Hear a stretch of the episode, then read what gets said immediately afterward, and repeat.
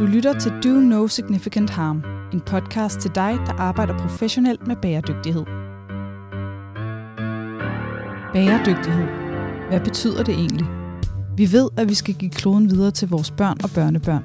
Vi mærker det, når vi stikker hovedet ned i køledisken, eller når det regner juleaften. Men når vi skal forklare det, bliver det svært. Bæredygtighed er nemlig meget mere end oversvømmelser og global opvarmning. Derfor har vi lavet denne podcast.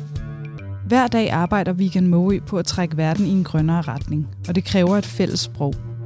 Do No Significant Harm er podcasten til dig, der arbejder professionelt med bæredygtighed. Her deler vi ud af erfaringer og bekymringer. Vi taler med vores egne eksperter, men søger også inspiration uden for kontoret. Altid med henblik på at gøre os selv og dig klogere. Titlen har vi stjålet fra EU's taksonomi for grønne investeringer – her minder den os om altid at tjekke, at det gode, vi gør for klimaet, ikke gør betydelig skade på naturen og samfundet. Fast vært er Claus Ulrik Mortensen. Velkommen til.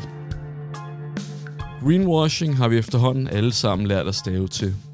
Og det er nok gået de færreste næse forbi, at vi i Danmark har en forbrugerombudsmand, som bruger en del krudt på at sikre sig, at virksomhederne holder sig inden for skiven i deres kommunikation. Men nede i EU pusler byråkraterne også med et nyt initiativ, som skal stramme grebet om virksomhederne. Green Claims kalder de det, og det er det, vi skal tale om i dag. Jeg har selskab af Kasper Eberg og Ulrike Folkmann Scherbæk. Kasper er kommunikationsrådgiver i Weekend Måø og har brugt de sidste måneder på at grave sig ned i direktivets betydning for danske virksomheder. Ulrike er advokat og partner i Liga Law. Her har hun rådgivet en lang række virksomheder omkring de juridiske rammer for bæredygtig kommunikation. Og så har hun en fortid hos Forbrugerombudsmanden. Velkommen til begge to. Tusind tak. Tak skal jeg Og øh, lad os starte hos dig, Kasper. Kan du ikke starte med at fortælle os, hvad er Green Claims for en størrelse?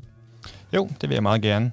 Uh, Green Claims Directive uh, er sådan kort fortalt uh, EU's, EU's uh, plan for at lave en, en, en række retningslinjer uh, og regler, som, uh, som handler om greenwashing. Uh, det skal simpelthen gøre forbrugere, virksomheder og investorer i stand til at øh, træffe valg på baggrund af, af korrekte miljøpåstande, kan man sige. Og helt kort, Ulrika, hvordan adskiller det sig fra, fra det, vi kender i dag øh, i Danmark med forbrugerombudsmanden og de retningslinjer, der ligger der? Altså man kan sige, at i dag er der jo også et forbud mod greenwashing. Det står bare ikke direkte i loven. Fordi i Danmark har vi altså allerede et forbud mod vildledning, og det er faktisk der, at greenwashing ligger inde i. Så det man gør, det er, at man tager den her lidt mere generelle forbud, og så gør man det meget eksplicit i forhold til, hvad betyder det her i forhold til miljø- og bæredygtighedsbudskaber. I Danmark der er det sådan, så vi har vildledningsforbud, som er delt i to. Så vi har det ene, det her med, at man ikke må sige noget, der er forkert. Altså det vil sige, at du lyver. Det giver lidt sig selv. Men vi har også den anden side, som er, at man skal sige hele sandheden. Altså man må ikke udelade noget, der er væsentligt. Og det ser vi jo rigtig meget i forhold til de her miljøpåstande, fordi at man ikke får alle oplysningerne, og derfor ikke rigtig kan vurdere, hvor godt er det her produkt i forhold til de andre. Godt. Jeg tænker, at vi skal grave os ned i, øh, i Green Claims Directive, og det skal vi lige om lidt. Jeg kunne egentlig godt tænke mig at, at starte, Ulrika, med lige at, at bruge to sekunder. Vil du lige kunne fortælle omkring, hvad er det helt præcis, der foregår inde i maskinrummet hos forbrugerombudsmanden? Du, du siger, du har en, der en, en fortid der. Altså, hvordan, hvordan har man øh, historisk øh, tilgået det her spørgsmål omkring øh, vildledning, greenwashing, og hvad, hvad er det for en udvikling, der er sket? Altså nu er det jo selvfølgelig en del år siden, jeg har været hos Forbrugerombudsmanden, men allerede da jeg var der, der var der jo den her, eller der er der den her vejledning om miljøbudskaber og etiske påstande. Og det er jo virkeligheden det, man siger, vi har den her generelle forbud om vildledning. Jamen, for at forstå, hvad betyder det i forhold til grøn markedsføring, jamen, så har man lavet den her vejledning for at hjælpe virksomhederne, for at de selv kan finde ud af, hvad de må gøre. Og jeg vil faktisk sige, at når man kigger på vejledningen, og så kigger på, hvad det er, der er Green Claims, jamen så er vi i Danmark ret langt. Så rigtig mange af de danske virksomheder, de vil kunne genkende rigtig meget af det, der kommer med det nye direktiv. I forhold til, hvordan man behandler sagerne, jamen så har det jo netop været at sige, okay, det vigtigste, jeg synes faktisk, det er måske noget af det, jeg synes, der er rigtig vigtigt, som folk får lidt forkert ind, det er, når man siger noget om miljøbudskaber, eller man siger noget om, at øh, noget er grønt eller bæredygtigt, så tror man lidt, det er sådan noget fluff, som ikke har noget sådan konkret indhold. Og det er bare helt forkert, fordi hvis du siger, at mit produkt det er miljørigtigt, så er det altså bare nogle helt specifikke ting, du skal opfylde, før du må sige det. Du kunne ikke finde på at gå ud og sige, her, køb min nye telefon, øh, den har 256 GB, tre kameraer med så og så høj opløsning, hvis ikke du kunne dokumentere det her. Og det er altså den samme tankegang, man skal have i forhold til grønne budskaber. Og så lad os prøve at, at kigge lidt nærmere på, på green claims. Øhm, fordi det, det nemme, og det var også det, der var min første reaktion, var at sige, det her, men det, der, er det ikke bare en, øh, en EU-version af det, vi allerede kender herhjemme i, i Danmark? Er det det, Kasper?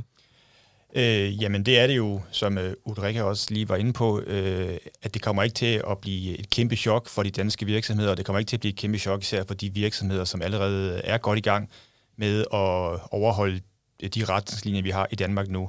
Men alligevel det, der ligger i Green Claims, det er en række ting, hvor i hvert fald på nogle områder, der er lagt op til, at, at det bliver mere specifikt, og det bliver meget mere præcist, øh, nogle af, af de ting, som man, skal, som man skal forholde sig til. Sådan helt overordnet, så er der øh, fem, fem områder i Green Claims, som man kan, som man kan ligesom øh, snakke om. Det ene handler om øh, dokumentation. Øh, det her med, at, øh, at miljøpåstanden de skal øh, underbygges ved det, som bliver kaldt for øh, videnskabelig øh, Øh, holdbar dokumentation. Og, og, og hvad der ligger i det, det er jo lige præcis, øh, når man snakker om noget, øh, skal skal dokumenteres efter nogle, hvad skal man sige, nogle standarder, så handler det jo om øh, dels uh, LCA'er, altså livscyklusanalyser, og så handler det jo også bare basically uh, helt konkret om, at man skal kunne genskabe uh, de samme resultater, hvis andre uh, tester det samme. Ikke også? Så hele dokumentationsområdet er, er, er kæmpestort. Så øh, det hele handler om øh, kommunikation, hvor der kommer til at være sådan nogle forskellige minimumskrav til, øh, til hvordan man øh, skal gøre det. Øh, den, øh, en af de spændende ting, det er det, der hedder øh, tredjepartsverificering, øh, som det kan Ulrik også sikkert også komme ind på, men det, det tænker jeg er en af de ting, som er, som er relativt øh, nyt, og som også øh, i direktivet stadigvæk er en lille bitte smule øh, usikkert, vil jeg i hvert fald mene, i forhold til, hvordan det bliver udmyndtet konkret. Men det handler jo basically om, at man skal, at man skal, at hvis man har nogle miljøpåstande, jamen, så skal de faktisk øh, verificeres af, af tredjeparter. Øhm, øh, det er jo super smart, hvis man får det, fordi så, hvis man får gjort det i Danmark, så kan man tage til Italien og komme med sin miljøpåstand, øh, og så skal man ikke øh, så, så skal man ikke kæmpe med de italienske myndigheder. Øh, så, men det er jo et ret spændende område. Øh, så er der et helt område omkring miljømærkning og miljømærker, øh, hvor hvad skal man sige, budskabet for EU i høj grad er, at, at der skal i hvert fald ikke komme flere, øh, og hvis der kommer nogle nye, så skal de, så skal de have nogle højere øh, hvad skal man sige, standarder. Og den sidste del, det handler om det, der hedder offsetting eller kompensation, altså hvor man er ude og købe øh, CO2-kompensation øh, for at, at, at kunne påstå, at man er øh, CO2-neutral, eller man er på vej der, derhen af. Øh, der kommer også, sådan som jeg lige ser det, ret skrappere, eller skrappere regler i forhold til, hvordan det skal øh, kommunikeres. Øh, det skal adskilles fra de CO2-reduktioner, man eventuelt selv laver. Så det er sådan, hvad skal man sige, hovedpunkterne i, i, øh, i direktivet, vil, øh, vil jeg mene. Og det er jo mange ting, du, du nævner der, og, og noget af det lyder som mere eller mindre business as usual. Noget af det lyder som om, at, at der kommer til at, at, at komme nogle for, forandrede rammer for, for, for virksomhederne. Hvad, hvad tænker du af de ting, øh, Kasper nævner her, Ulrika? Hvad tænker du, man som, som, som dansk virksomhed skal have, have mest øje for? Og altså jeg vil helt klart sige, at det her med verifikationsprocessen, Øh, udfordringen er dog, at den stadigvæk er lidt sådan en black box. Vi ved ikke helt, hvordan den kommer til at se ud på national plan, men helt grundlæggende så handler det om, at vi lige pludselig flytter fra, at vi i Danmark har sagt, du kan godt komme med et budskab, du skal have din dokumentation klar, men den skal ikke være sådan spidsen, den skal ikke nødvendigvis være tilgængelig for alle allerede inden du går i gang. Du kan godt gøre det sådan lige kort efter, men nu vender vi den om og siger, at du skal faktisk have din dokumentation klar inden du går i gang. Du skal have din dokumentation verificeret af en uafhængig tredjepart, og du skal sørge med også have dit budskab verificeret af en uafhængig tredjepart. Og hele den her verifikationsproces, jamen, bliver det et kæmpe byråkrati, som kommer til at altså, stjæle livsglæden ud af alle virksomheder. Øh, er det der, vi er? Eller kommer det til at være en anden smidig proces, hvor det er, at man bare får sine dokumenter igennem lyn hurtigt, så man kan komme videre og komme ud i andre EU-lande? Du lytter til Do No Significant Harm hvis vi skulle prøve at gå lidt ind i, i maskinrummet i EU øh, og kigge på baggrunden for, for det her arbejde, altså hvorfor har man fra EU's side valgt at, at sætte det her skib i, i søen? Altså, det er jo fordi, det er nødvendigt. Man kan sige, at der er flere hensyn til, at det her er nødvendigt. Det ene er jo selvfølgelig miljøet, fordi hvis man gerne vil ændre på noget, så er det nu. Hvis man kigger på de planetære grænser, jamen altså, så, så er man virkelig nødt til at gøre noget nu. Og hvordan kan man gøre noget? Jamen, det kan man gøre ved at flytte pengene. Øhm, så derfor er det jo nødvendigt, at man har fokus på det her. Jeg vil så samtidig også sige, at der er også noget i forhold til, at man skal have forbrugerhensyn. Fordi baggrunden for det her, det er jo, at man kan se, at i rigtig mange EU-lande, jamen, der er det et kæmpe problem. Man lavede en undersøgelse med 300 hjemmesider, hvor man gik ind og kiggede på deres forskellige budskaber om for eksempel miljørigtighed eller bæredygtighed. Og 50 procent af dem var altså vildledende. Det er altså rigtig, rigtig, rigtig mange. Ikke? Og når man kigger på miljømærkerne, som også er et af de store ting, der kommer til at ændre sig, jamen der var der 230 miljømærker i EU. Prøv lige at overveje det. Altså, som forbrugere skulle navigere i 230 forskellige mærker, der måske, måske ikke dækker det samme. Hvad betyder det her? Og mange gange så er det jo bare et lille træ eller en lille blomst, eller noget, man ikke rigtig ved, hvad det betyder. Ja, altså man kan sige, at, øh, at det, at øh, EU kommer med det her nu, er jo også øh, en del af en større, af en større EU-pakke, kan man i virkeligheden sige. Øh, der er jo virkelig, virkelig mange initiativer i gang fra EU og på vej. Vi kan bare tage hele ESG-området, EU-taksonomi osv. osv. Der, er, der sker rigtig meget, som, som ligesom sammen med det her bærer det hele i den rigtige retning, hvor man kan sige, at, at hele det med at dokumentere og rapportere øh, sin bæredygtige tiltag, jamen det kommer der stærkere og stærkere fokus på, øh, og det bliver mere og mere, øh, hvad skal man sige, det bliver, der bliver stærkere og stærkere krav til, hvor præcis det skal være. Øh, så kan man sige, Øh, hvorfor, hvorfor sker det nu? Øh, det kan jo godt være, at, at EU, øh, eller nogle i EU, eller nogle lande, simpelthen er blevet træt af, at det måske øh, er gået for langsomt, sådan mere af frivillighedens vej, kan man sige. Men, men øh, uanset hvad årsagen er, så, så er der rigtig meget på vej, så, som de danske virksomheder og andre virksomheder øh, skal forholde sig til. Men når vi kigger på det ud fra et dansk perspektiv, så er vi enige om, at, at der har vi egentlig noget, der der i høj grad øh, sætter de samme krav til virksomhederne, nemlig vores markedsføringslov og, og en forbrugerombudsmand, som, som følger op på den med de ressourcer, der nu engang er til det. Men der ligger i hvert fald sådan på, på som, som juridisk grundlag ligger der nogle krav, som i høj grad minder om, at det er det samme, vi oplever i de andre EU-lande, øh, eller med andre ord, hvis du tager til øh, Bulgarien eller Rumænien eller i, i Italien, hvad bliver virksomhederne i dag mødt af der? Øh, Ja, altså man kan sige, det er jo i princippet de samme regler, fordi det her forbud, vi har i markedsføringsloven om, altså forbud mod vildledning, det kommer fra et direktiv i EU, altså øh, direktivet om urimelig handelspraksis. Og det, det gælder jo i hele EU, så i virkeligheden gælder der de samme regler, men udfordringen er jo netop fordi, at den her bestemmelse er formuleret så bredt, fordi den skal jo omfatte alt muligt. Den skal også omfatte forkerte priser, eller altså alt muligt andet end de her grønne budskaber, så bliver det bare ikke særlig specifikt. Og det betyder jo, at det er de nationale tilsynsmyndigheder, for eksempel forbrugerombudsmanden, der går ind og fortolker på det her. Og der ser vi bare, at der er en forskel. For eksempel en af de kæmpe forskelle, der er i EU, det er sådan noget som bæredygtighed. Den tidligere forbrugerombudsmand, øh, Christina Tofgaard Nielsen, hun var jo klart ude at sige, at det her med at bruge bæredygtighed som en absolut, altså at sige, at mit produkt er bæredygtigt, mm. det er bare et no-go. Men det ser vi faktisk ikke på samme måde i mange af de andre EU-lande.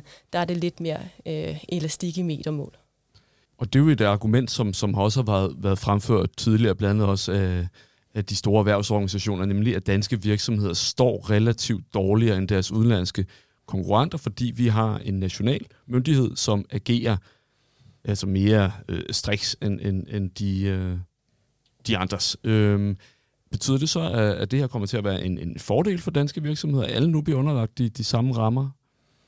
Hvis man lidt vender tilbage til øh, Øh, det, jeg var inde på før, at, at de danske virksomheder nu, de bliver øh, mødt af rigtig, rigtig mange forskellige krav fra EU. Det er selvfølgelig de største virksomheder først.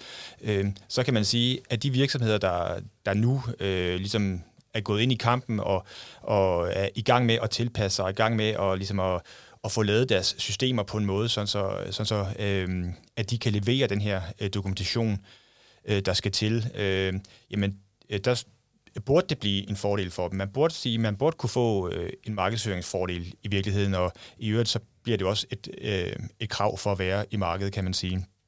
Øh, når det så er sagt, der, så er det jo klart, at der er øh, et hav af virksomheder, hvor det her og mange andre ting for EU vil blive opfattet som en, øh, som, øh, ja, hvad skal man sige, ekstra arbejde, og så måske øh, for nogle virksomheder ikke lige er det, som de synes er kerneforretningen.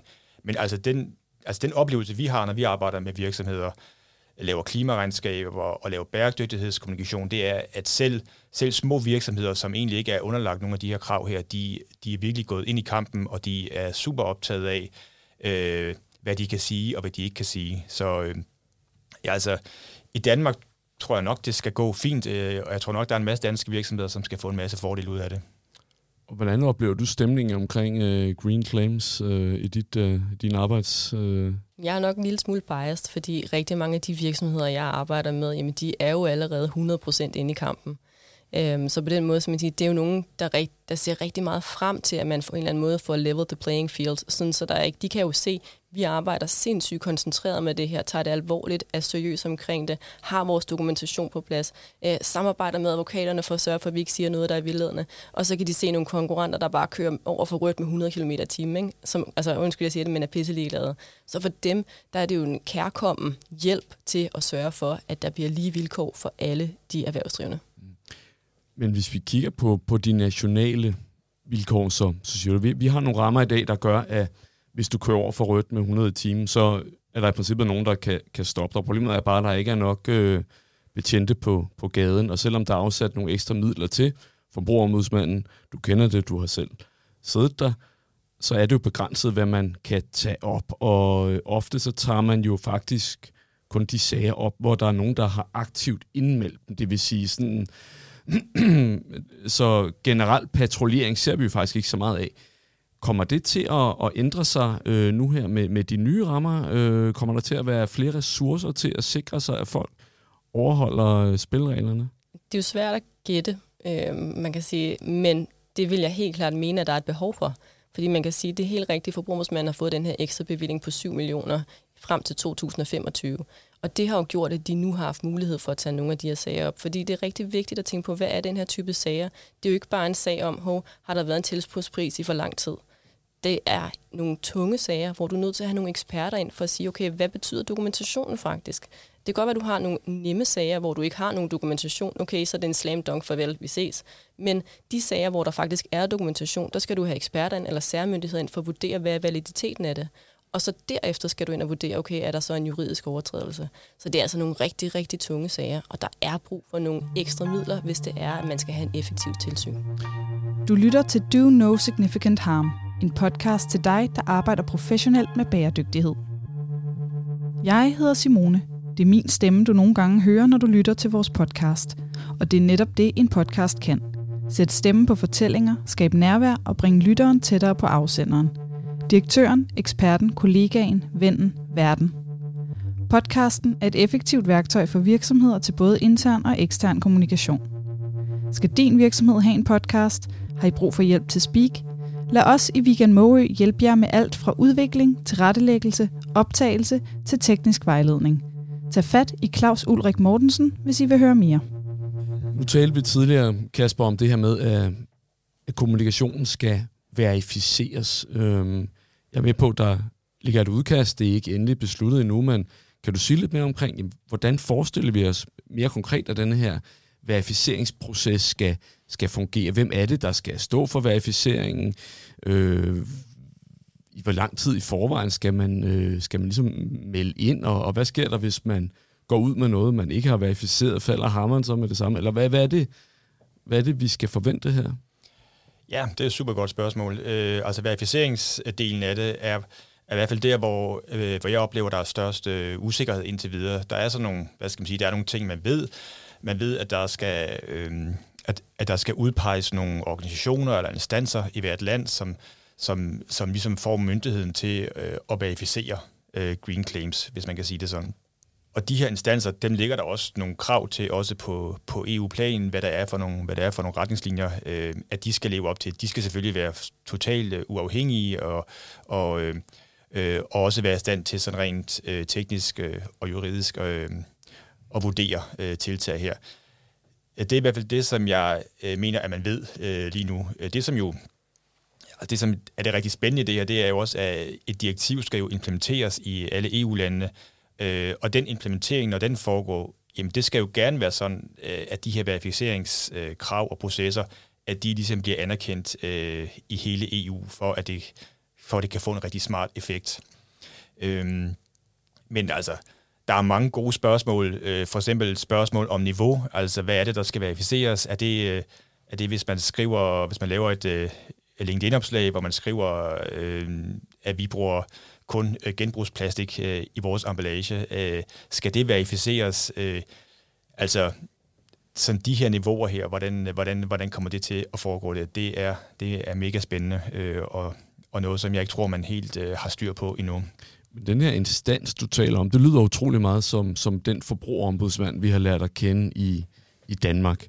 Men er det det, der kommer til at ske? Er det... Øh... Ikke helt.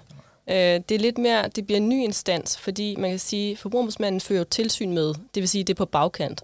Det her bliver jo sådan en form for forhåndsgodkendelse, sådan så at inden du går på markedet, så skal du have sørget for at få det her godkendt. Men er det ikke noget af det, som forbrugerombudsmanden allerede i dag tilbyder, nemlig muligheden for at få forhåndsgodkendt sin kommunikation? Jeg ved, der ikke er så mange, der har gjort brug af det endnu, øh, men, men muligheden har da ligget der, så det er vel en, en praksis, man kender til. Ja, men man kan sige, at det er en frivillig mulighed. Øhm, og jeg vil også sige, at hvis forbrugerombudsmanden skulle behandle alle virksomheders grønne budskaber i Danmark, jamen, så vil de jo ikke altså, kunne føre noget som helst tilsyn. Mm. Så der vil jo også helt klart komme et niveau af, hvor der kommer så mange forspørgseler, de er nødt til at sige nej. Men hvad er det så, vi, vi forestiller os? Fordi altså, for at det her skal kunne fungere i praksis, skal der følge nogle midler med. Med mindre vi selvfølgelig også kan forestille os, at det er noget, virksomheden skal betale for at det simpelthen kommer ud og køre på, på markedsvilkår, og så er der nogle konsulenthus, der kan slå sig op på, nogle advokatfirmaer, der kan slå sig op på at blive verificeret til at kunne, kunne lave de her verificeringer. Altså det er jo en anden model. Har vi, hvad vil være dit bedste bud, Ulrika, på, hvordan det her kommer til at, at se ud i praksis? Altså, jeg vil nok gætte på, at det kommer til at være en eller anden form for national instans. Altså, det er ligesom en styrelse hvor de kommer til at skulle netop validere dokumentationen, og så også de her budskaber. Men der, hvor jeg nok er øh, i tvivl, og også meget spændt, det er for at se, okay, hvad er niveauet? Altså, hvor langt går de ind? Er det, de går ind og ser på, okay, her er en LCA, okay, der er en forklaring på, den er verificeret af en tredje part. Okay, her er der et budskab, jamen det er måske godkendt af en advokat. Er det så tilstrækkeligt til, at du så får en blåstempling, og så er det videre? Eller hvor er vi henne? Hvad er kravet, før det kan blive godkendt?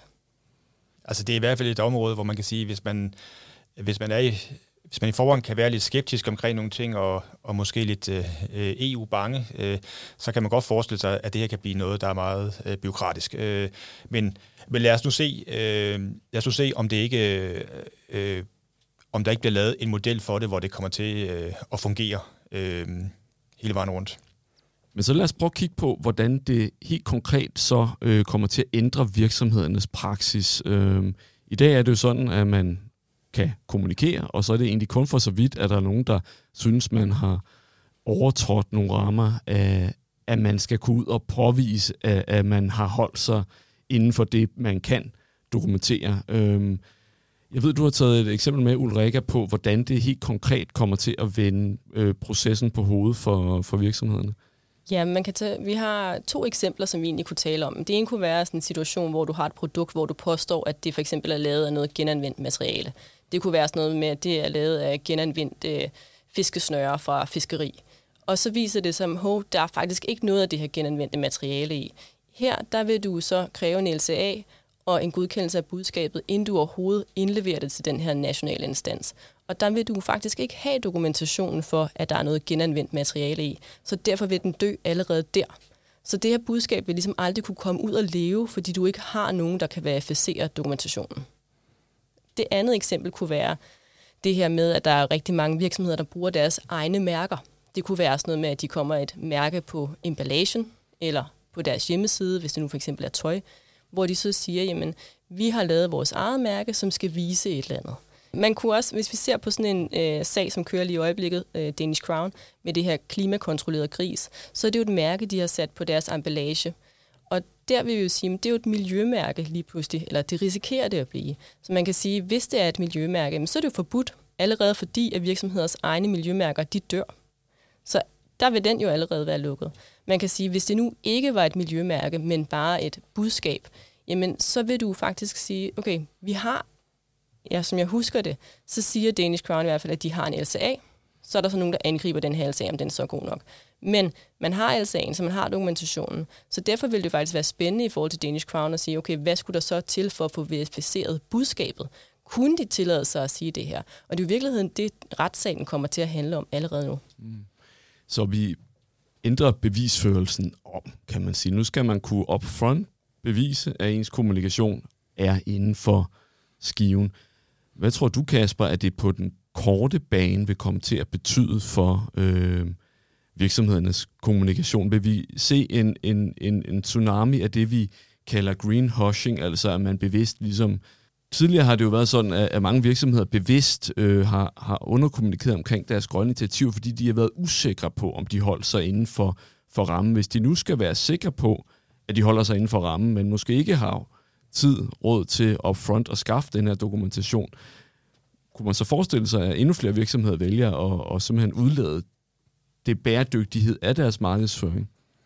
Øh, ja, der kommer der helt sikkert til at ske noget, og, og man kan sige, hvis der er jo, der er jo forskellige øh, scenarier for det her. Det ene scenarie er jo faktisk, at man, at man øh, at man synes, man har et godt produkt, at man synes, man har nogle gode budskaber øh, inden for det grønne område, øh, og man får det verificeret, jamen, så vil man jo stå med en eller anden tryghed omkring, øh, at det, man faktisk siger, jamen, det kan vi gå ud og bruge til noget. Så det er jo, hvad skal man sige, det er jo positivt. Øh, hvis der er nogle virksomheder, der føler, at de mangler øh, dokumentation, så kan man sige, så allerede i dag øh, bør de slet ikke øh, gå ud og, og, øh, og antyde, at deres produkter øh, er, er grønne eller bæredygtige, eller mere bæredygtige, eller mere klimavenlige.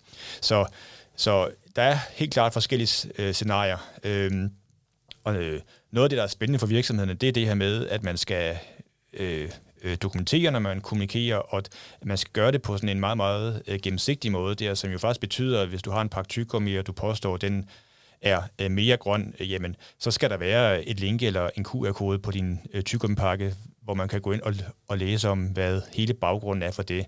Altså, så på den måde, øh, der er også noget praktisk, altså, der er også noget praktisk for virksomhederne, øh, hvor det lige pludselig bliver meget tydeligt for dem, jamen hov, vi mangler faktisk måske noget dokumentation der. Så, så jeg er helt sikker på, at der kommer til at blive lige ryddet rigtig meget op, øh, også på en fornuftig måde der, fordi at det er jo det, der er, er en del af formålet med det her, det er jo at få fjernet alle de budskaber, som ikke, som ikke holder øh, i retten, kan man sige.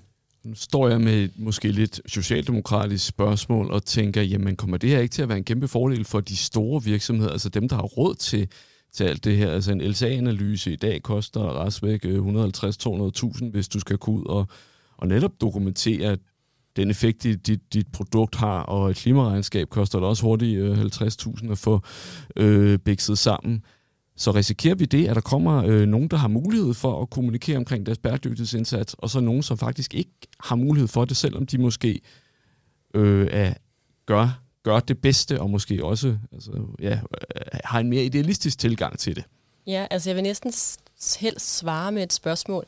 Er der nogen forskel i forhold til i dag? Fordi man kan sige, at det her med at have dokumentation på plads, og mange gange kræver det jo en LCA, men det gælder jo faktisk allerede i dag. Øhm, så sådan som jeg ser det, det er helt klart en bekymring, man skal tage alvorligt. Man har prøvet på at tage højde for det i direktivet netop ved at sige, jamen, der er så også et krav til, at medlemsstaterne sørger for, at der bliver stillet nogle forskellige værktøjer til rådighed, netop for at imødekomme det her øh, små og mellemstore virksomheder, sådan så det ikke bliver en økonomisk byrde, der gør, at de ikke kan være med i konkurrencen. Og jeg synes også, det er værd at sige, rigtig meget af direktivet, eller det gælder ikke for de her mikrovirksomheder, altså som er under 10 medarbejdere og 2 millioner euro, medmindre de selv melder sig ind i kampen. Altså hvis de kommer på banen og siger, okay, vi vil gerne have verificeret det her budskab, så er vi med, jamen så skal de selvfølgelig spille efter de samme regler som alle andre. Ja, og det er rigtigt nok, der er jo nogle begrænsninger i direktivet omkring virksomhedsstørrelse. Øh, det, der sådan som der forhåbentlig kommer til at ske, eller formentlig kommer til at ske, det er, at øh, forbrugerne også bare får en meget, meget større øh, bevidsthed om, hvad man kan sige og hvad man ikke må sige, på helt samme måde, som forbrugere har det inden for alle mulige andre områder inden for markedsføring. Så jeg tror også, at forbrugerne kommer til øh, også at stille krav, også selvom det er øh, små virksomheder, eller kommer til at sætte spørgsmål, kan man sige. Øh, så er der hele det her øh, værdikædepres, som, som helt små virksomheder jo også oplever i dag i, i forbindelse med mange andre ting, altså hvor de simpelthen altså hvor det bliver et krav øh, fra deres, fra deres, øh, øh, fra deres øh, kunder øh, og leverandører, øh, det her med, at man har styr på sit data. Ikke også? Øh, så så øh, altså, det her det kommer til øh, at få påvirkning hele vejen rundt, tror jeg. Og hvis jeg selv skulle give et gæt, jamen, så vil det faktisk være, at jeg tror, at vi kommer til at se, at miljømærkerne kommer til at være det, der ligesom dikterer, hvad det er for nogle budskaber. Man arbejder jo på, i hvert fald altså også i EU-regi, at når vi har de her godkendte miljømærker, jamen så til dem skal der være nogle generiske budskaber, man må bruge. Det kender vi allerede i Danmark, for eksempel for Svanemærket, hvor forbrugerombudsmanden har været inde og godkende, at man må sige sådan noget som mindre miljøskadeligt. Altså nogle relative udsagn. Og hvis man kan få det på de andre miljømærker også, jamen så har man jo virkelig en håndbog, hvor man kan slå op og sige, okay, mit produkt har de her fire øh, miljømærker, så må jeg gerne sige det her. Det vil gøre det nemt, det vil også gøre det genkendeligt for forbrugerne, i stedet for at de skal navigere i, hvad mener virksomhed A med bæredygtighed, hvad mener virksomhed B, hvad mener virksomhed C. Og så er vi i virkeligheden også lidt væk fra, fra mit første billede, da jeg hørte om, om Green Claims, nemlig ideen om, om nogle konsulenthus, nogle advokatfirmaer, som sad og voksede så store og fede på at skulle sidde og godkende hver evig eneste stykke øh, kommunikation, der kommer ud fra virksomheden. Det er slet ikke det, vi ender med. Vi ender i virkeligheden bare med, med nogle generelle retningslinjer, øh, som så er med til at, at skabe en tillid hos forbrugerne til, at virksomhederne kommunikerer inden for skiven. Er det det, jeg hørte dig sige? Det håber jeg i hvert fald. Øh, mit håb er, at de her miljømærker netop kan på en eller anden måde gøre virksomhederne i stand til selv at kunne styre deres kommunikation. Og hvis man så siger, okay, men vi har lavet noget virkelig fedt, det vil vi gerne ud og kommunikere selvstændigt om, jamen så må du så betale for den her verifikationsproces. Ja, og jeg tror, øh, som du også er inde på, altså miljømærkerne, det, det synes jeg også er noget af det, som er det mest, eller noget af det, som er det rigtig spændende her, fordi øh, der er ingen tvivl om, at, at, øh, at alle forbrugere, og jeg tror også, at virksomheder, har en stor forvirring over miljømærker. Og hvis det kunne blive mere tydeligt og mere klart, øh, det ville være en kæmpe stor gevinst.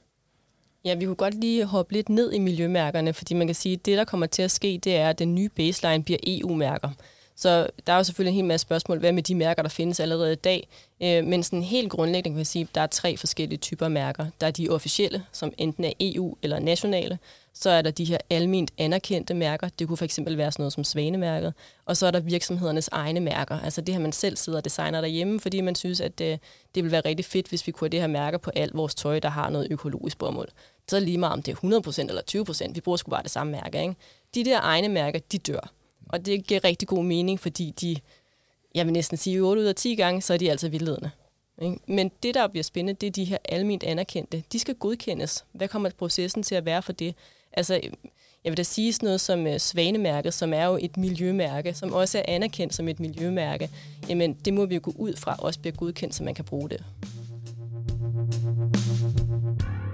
Hvis man nu sidder derude, eller går en tur og lytter til det her, og øh, er så heldig at være centralt placeret, måske som ejer eller på anden vis partner i en, øh, en virksomhed, som, som kommer til at blive underlagt de her rammer, hvad er det så, man skal forestille sig? Så hvornår kommer det her til at træde i kraft? Øh, ved vi noget om det? Øh, Altså det vi ved, det er, at det er i gang med øh, at blive behandlet. Øh, i, I løbet af foråret øh, 24, der skal, øh, sådan som jeg forstår det, parlamentet øh, godkende det. Øh, og øh, når det sker øh, i løbet af 24 formentlig, så, så er det jo sådan, så har, så har øh, de enkelte medlemslande øh, 18 måneder til at, at lave en plan eller, eller få det implementeret. Øh, så det er sådan i overordnede rammer øh, tidsplanen. Så så det ligger et par år ud i fremtiden. Øh, det som det er rigtig gode spørgsmål, hvad skal virksomhederne gøre nu? Øh, jamen,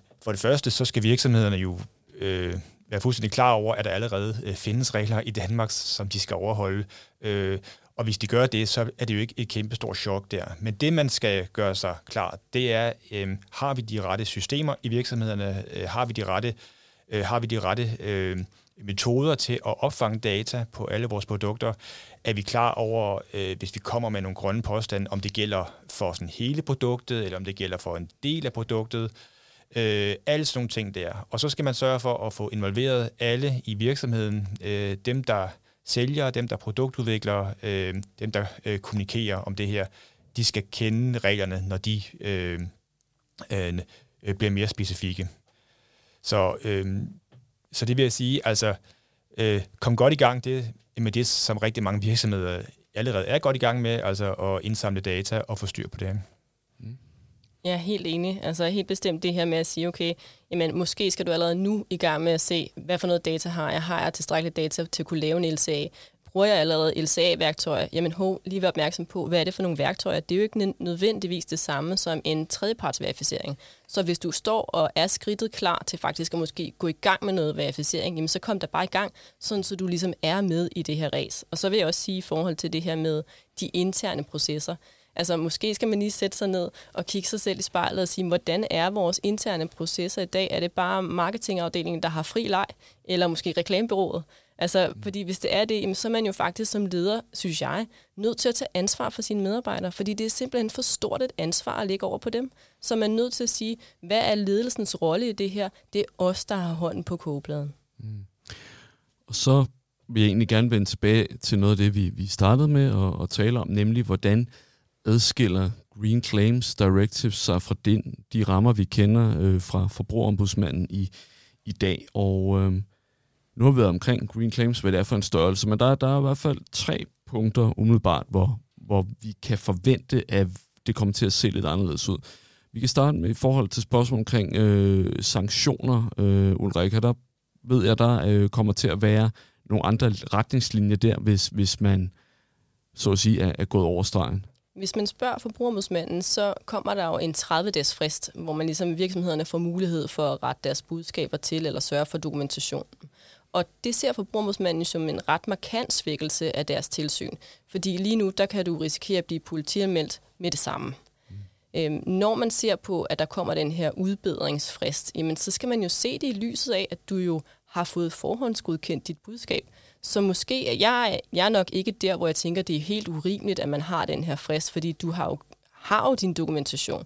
Du har fået den verificeret hos en tredje part. Du har dit budskab, den er også dokumenteret hos en, eller verificeret hos en tredje part. Og så har du fået det her overensstemmelsesdokument.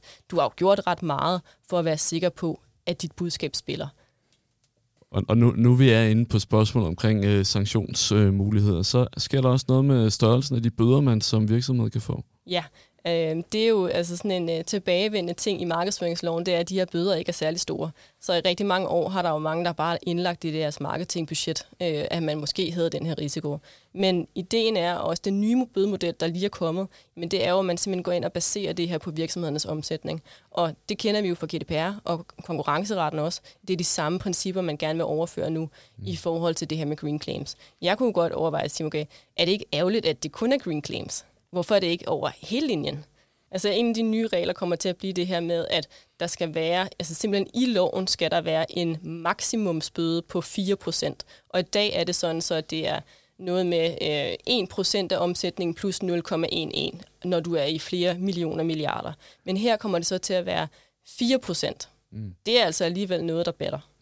Så vi må forvente, at det kommer til at at gøre, at i, i hvert fald de, de store virksomheder i højere grad kommer til at, at være ops på det her. Øhm, lad os tage øh, en af de andre ting, som, øh, som vi må forvente kommer til at adskille sig, og det er spørgsmål omkring øh, CO2-besparelser opnået via det, man kalder climate offsetting. Øh, I dag er det sådan, øh, CO2-besparelse er som udgangspunkt en, en CO2-besparelse, øh, og der kan man så komme lidt hurtigere frem til resultatet, hvis man via øh, climate offsetting køber sig til øh, nogle, øh, nogle reduktioner der øh, gennem blandt andet de her øh, PPA'er, altså Power Purchase Agreements. Men der, ifølge Green Claims, der skal man nu fremover deklarere, hvis man har gjort brug af, af offsetting muligheder for at opnå sine besparelser. Øh, hvad, hvad handler det om, Kasper? Jamen, det handler jo om, at øh, hvad skal man sige, øh, i princippet så kan øh, det her med at købe øh, kompensation i forhold til øh, CO2-udledninger, det kan jo øh, på papiret jo godt være en, være en, øh, en smuk tanke, øh, det her med, at man tænker, jamen, øh, øh vi vil gerne kunne sige, at vi er CO2-neutrale, derfor der øh, øh, går vi ind og laver nogle, nogle reduktioner selv, og så resten, det, der køber vi noget, noget skovrejsning. Det er sådan helt sådan, måske lidt lidt øh, karikeret, men det er sådan, det foregår nogle gange. Og problemet med det, det er bare, at de her kompensationsordninger øh, har et ret blakket ry. Øh, mange af dem der, det kan være ret svært, og, og øh, det kan være ret svært ligesom, at få lavet et ordentligt regnskab for det. Det kan være ret svært at vide, hvad det egentlig er, man køber. Og så sådan helt lavpraktisk, det her skovrejsningsting her, det er jo ofte ting, som der øh, foregår over rigtig, rigtig mange år. Altså at rejse en skov, det tager lang tid. Så øh, det er i hvert fald et område, hvor man øh, i Green Claims også gerne vil, øh, vil rydde lidt op. Øh, hvis, man, hvis man gør brug af offsetting der øh, og bruger det i sin miljøpåstand, jamen, så skal man helt klart øh, gå ind og fortælle, jamen, hvor stor en del af vores, øh, af vores øh, CO2 øh, øh, neutralitet eller altså reduktion øh, kommer fra, at vi rent faktisk har gjort noget konkret, og hvor stor en del kommer fra, at vi øh, har købt os til det, kan man sige.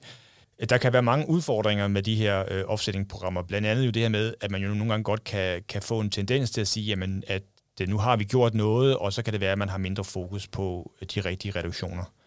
Hvad siger din erfaring der her, Ulrike? Betyder det, at virksomhederne så ikke kommer til at gøre brug af forskellige offsetting-metoder fremover, fordi det ikke har samme kommunikativ værdi? Altså lige præcis offsetting er jo en af mine kæmpe kæpheste.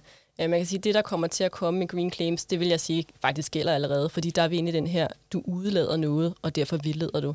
Fordi hvis du giver folk indtryk af og siger, at jeg er klimaneutral eller CO2-neutral, så er det jo altså dit produkt eller din virksomhed. Så går, det ikke, altså, så går det bare ikke an, at du går rundt og køber dig til det andre steder. Det er jo sådan en form for aflad. Mm. Så hvis du gør det, så skal det eddermame være klart. Øhm, så på den måde vil jeg sige, vil jeg ikke mene, at der er den store forskel i forhold til, hvad der gælder i dag. Hvis vi kigger på nogle af de sager, der har været, det kunne for eksempel være Arla i Sverige, hvor vi har det her med, at de siger netto nul klimaaftryk øh, på deres mælkekarton. Der, til deres forsvar vil jeg sige, der stod der så faktisk lige nedenunder, at der at netop var i forbindelse med det her offset. Men selv der, der kommer man jo frem til, hvis du kigger det efter i sømne, hvor lang tid tager det så? Men så tager det 100 år. Ikke? Og det er jo ikke, altså det giver jo ikke nogen mening. Der skal jo være en samtidighed mellem, at du køber det her produkt, og du får din øh, CO2-neutralitet. Vi ser også eksempler på det i Danmark. Øh, Forbrugerombudsmanden har haft en sag i forhold til elhandlere, hvor de netop var inde og sige, okay, vi kompenserer dit elforbrug ved at lave de her skovrejsning. Igen, skovrejsning, det er sådan meget, øh, meget typisk. Ikke? Og det viser jo så, jamen okay, for faktisk at kompensere et, en sådan gennemsnitshusstand, jamen der skulle man have noget i nærheden af 250 træer. Og det, man så plantede, det var mellem 2 og 4. Mm. Så igen er det ude i, at det bare ikke batter nok. Mm. Mm. Mit gæt vil faktisk være, at, eller jeg ved ikke helt, om jeg tør at sige det, men måske, jeg tror simpelthen på, at det kommer til at blive forbudt.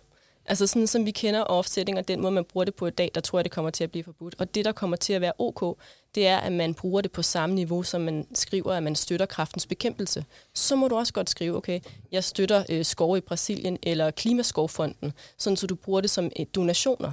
Men det her med at bruge det i regnskabet hos dig selv, det kommer til at dø. Ja, jeg er faktisk helt enig. Jeg tror også, det er jo ret spændende, hvordan det her ender med at blive, og hvordan det bliver øh, implementeret, fordi at øh, man kan sige, at, at uanset at man begynder at sætte meget præcise krav for, hvordan at de her øh, CO2-reduktioner, hvordan man så har opnået det, hvordan at de skal kommunikeres, så vil man måske stadigvæk opleve virksomheder, der påstår, at de er CO2-neutrale, eller deres produkter er.